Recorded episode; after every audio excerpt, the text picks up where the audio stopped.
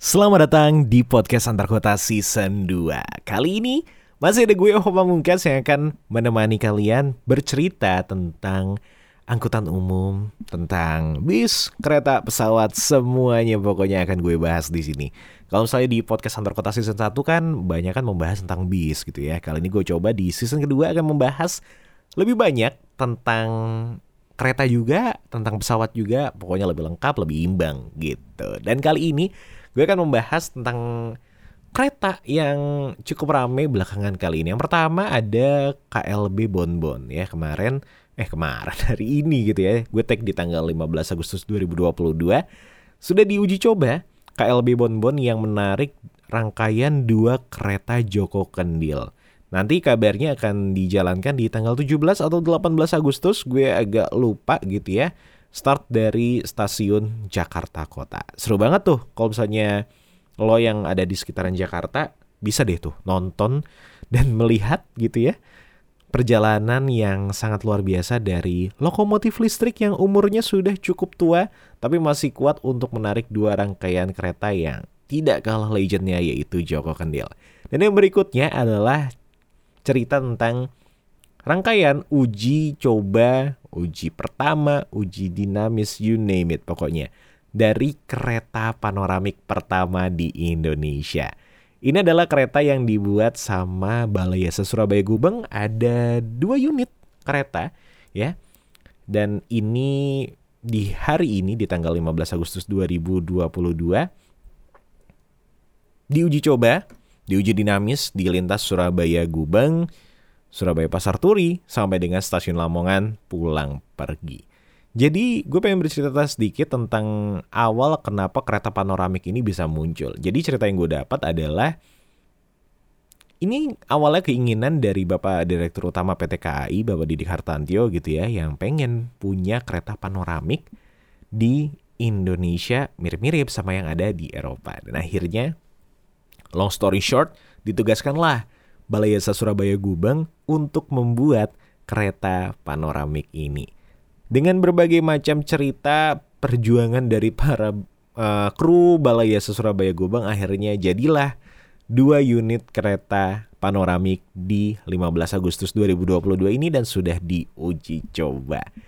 Nah, gue pengen uh, bercerita juga tentang kereta panoramik yang rilis. Ya rilis dari Balai Yasa Surabaya Gubeng gitu ya tapi belum di launching secara resmi sama PT KAI jadi awalnya kabarnya nih kabarnya gitu ya kereta panoramik awalnya bukan K199 ataupun K1 2001 ini.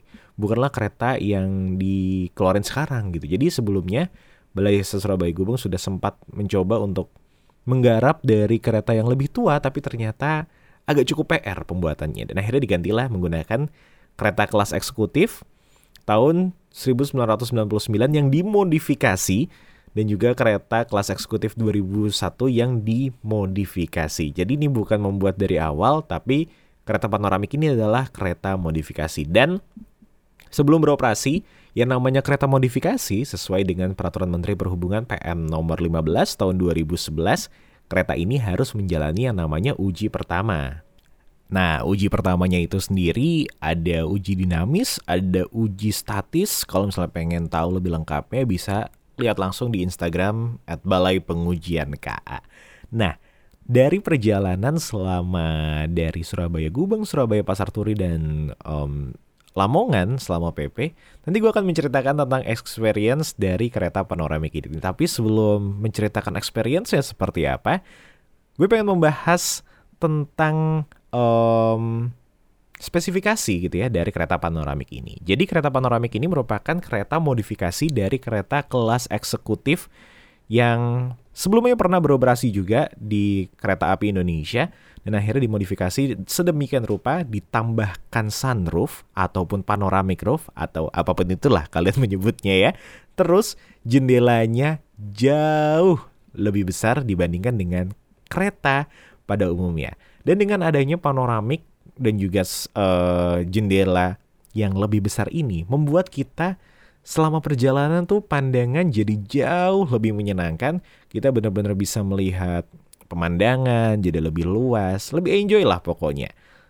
Tapi banyak yang bertanya-tanya juga, apakah panoramik dan juga jendelanya ini bisa ditutup? Jawabannya bisa, karena panoramik roofnya sendiri ini punya tirai dan juga jendelanya ada tirainya. Tapi sayangnya, panoramik roof ini cuman bisa disetting oleh teknisi ataupun mungkin kondektur nanti yang bertugas untuk perjalanan ini karena untuk men-setting buka tutup dari panoramik roofnya ini menggunakan remote yang nantinya mungkin akan dipegang oleh teknisi.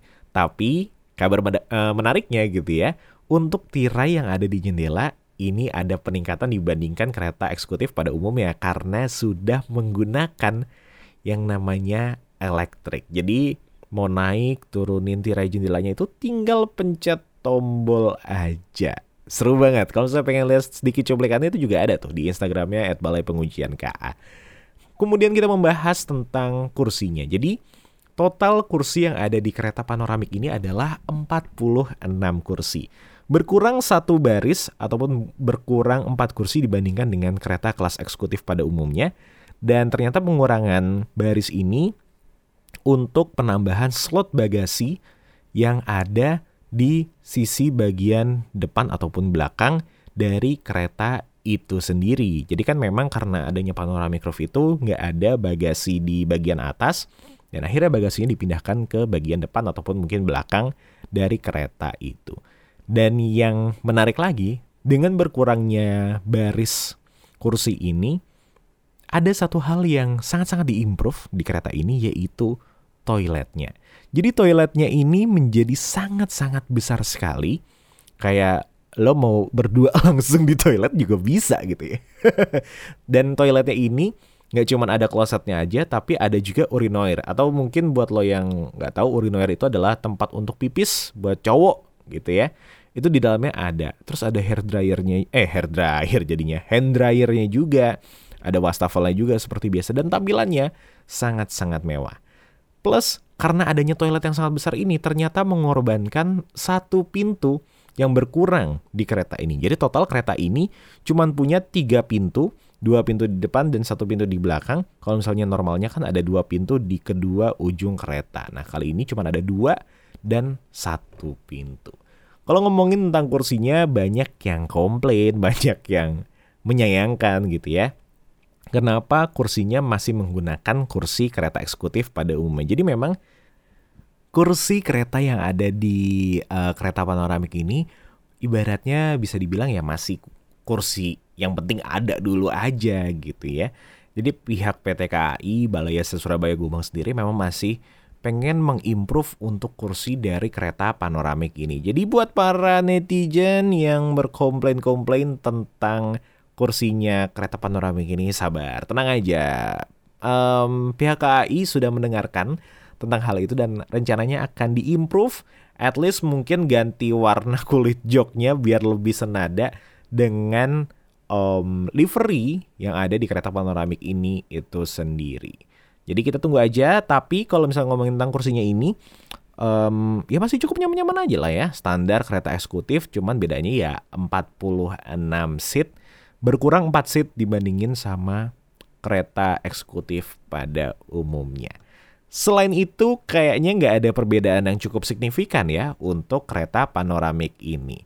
Dan experience untuk menggunakan kereta panoramik ini menurut gue cukup nyaman karena kereta ini menggunakan bogi K8 atau tipe NT11 yang terkenal dengan kenyamanannya, bogi terbaik mungkin untuk saat ini gitu ya, dengan spesifikasi yang cukup oke, sangat um, kedap suara sangat nyaman, getaran juga nggak ada yang parah banget, semuanya bener-bener nyaman, proper banget lah untuk dinikmati perjalanan jarak jauh seperti itu. Dan untuk uh, panoramic roofnya sendiri plus juga jendelanya, banyak orang yang bertanya-tanya, apakah panas gitu ya? Karena kalau ngelihat dari foto, dari video kayak sinar matahari itu bener-bener tembus ke dalamnya? Jawabannya adalah tidak sama sekali. Gue sudah membuktikan selama perjalanan dari Surabaya sampai dengan Lamongan dengan kondisi cuaca cukup panas khas Jawa Timuran yang kalau misalnya pernah ke Surabaya ataupun Pantura gitu ya, tahu lah ya betapa panasnya daerah itu.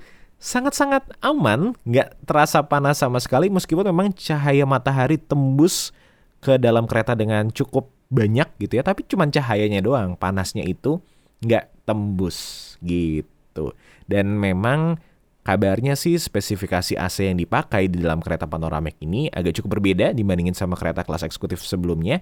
Jadi kondisi AC sangat dingin, bahkan sampai kedinginan loh, gue bingung juga kayak ada di dalam kereta panoramik yang harusnya kita kepanasan karena cahaya matahari tapi justru di dalamnya malah kedinginan. Semoga aja nanti pas kereta ini sudah beroperasi di penumpang, apa yang gue rasain bisa sama dengan yang lo rasain nanti. Terus berikutnya pengen membahas apa sih yang bisa diimprove dari kereta panoramik ini. Menurut gue yang pertama sudah pasti kursinya at least dibikin lebih luxury lah dari segi tampilan mungkin kalau misalnya nggak bisa ditambahin leg rest ya it's okay tapi kalau bisa ditambahin leg rest oke okay banget gitu ya. Tapi at least dibikin tampilannya lebih luxury sedikit disamakan dengan liverynya. Dan kalau bisa nih keretanya eh keretanya jadinya kursinya itu bisa menyamping alias menghadap ke jendela. Jadi para penumpang yang pengen melihat pemandangan tuh bisa lebih puas gitu ya dalam menikmati perjalanan bersama kereta panoramik ini. Detail-detail kecil, mungkin finishing segala macam ya itu nanti pastinya dibagusin lagi lah sama PT KAI terutama Balai Yasa Surabaya Gubang. Tapi overall gue sangat-sangat tertarik untuk menggunakan kereta ini kalau nanti sudah operasional. Buat yang bertanya-tanya, kereta ini akan digabungkan ke kereta reguler ataupun kereta wisata atau gimana? Jawabannya gue masih belum tahu karena memang belum ada kabar yang pasti gitu ya. Keretanya akan digabungin ke mana? Dan kereta ini sih rencananya akan dirilis di bulan September nanti secara resmi oleh PT Kereta Api kalau tidak ada perubahan jadwal. Jadi buat yang bertanya-tanya kapan kereta ini akan berjalan dan beroperasi secara reguler, silahkan ditunggu aja. Bagaimana pendapat kalian tentang kereta panoramik ini? Mungkin boleh ceritain di Instagram, di Twitter, ceritain ke gue langsung di @ohopamungkas S-nya 3 di Twitter dan juga di Instagram at oho.pamungkas. Pengen bahas apa lagi di podcast Antar Kota Season 2? Silahkan langsung komen aja DM gue juga. Pengen request membahas tentang apa. Sampai jumpa di perjalanan berikutnya di podcast Antar Kota Season 2.